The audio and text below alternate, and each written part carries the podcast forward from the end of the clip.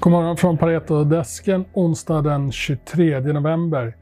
Vi öppnar uppåt i Europa idag efter en stark eh, session i US igår då både S&P och Nasdaq stängde upp 1,36 procent båda, båda indexen. Alla sektorer handlades högre, eh, lett av energi och tech. Eh, de två första dagarna den här veckan har varit lite tunna på, på data, men eh, desto mer kommer idag. Eh, vi har FOMC Minutes som släpps med då lite mer kulör kring hur man resonerade vid förra, förra mötet.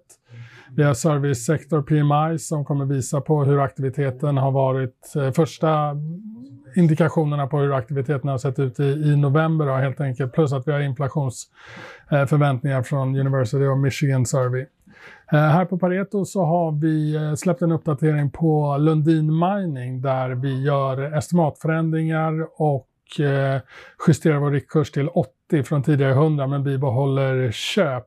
Det här är främst en följd av vår uppdaterade syn på basmetaller som vi släppte i oktober då vi höjde Boliden till köp eh, generellt så kan man säga att vi ser viss eh, risk för cyklisk press på metaller under 2023 men eh, följt av en uppsida därefter och vi är särskilt positiva till kopparn i lite medellångt eh, perspektiv.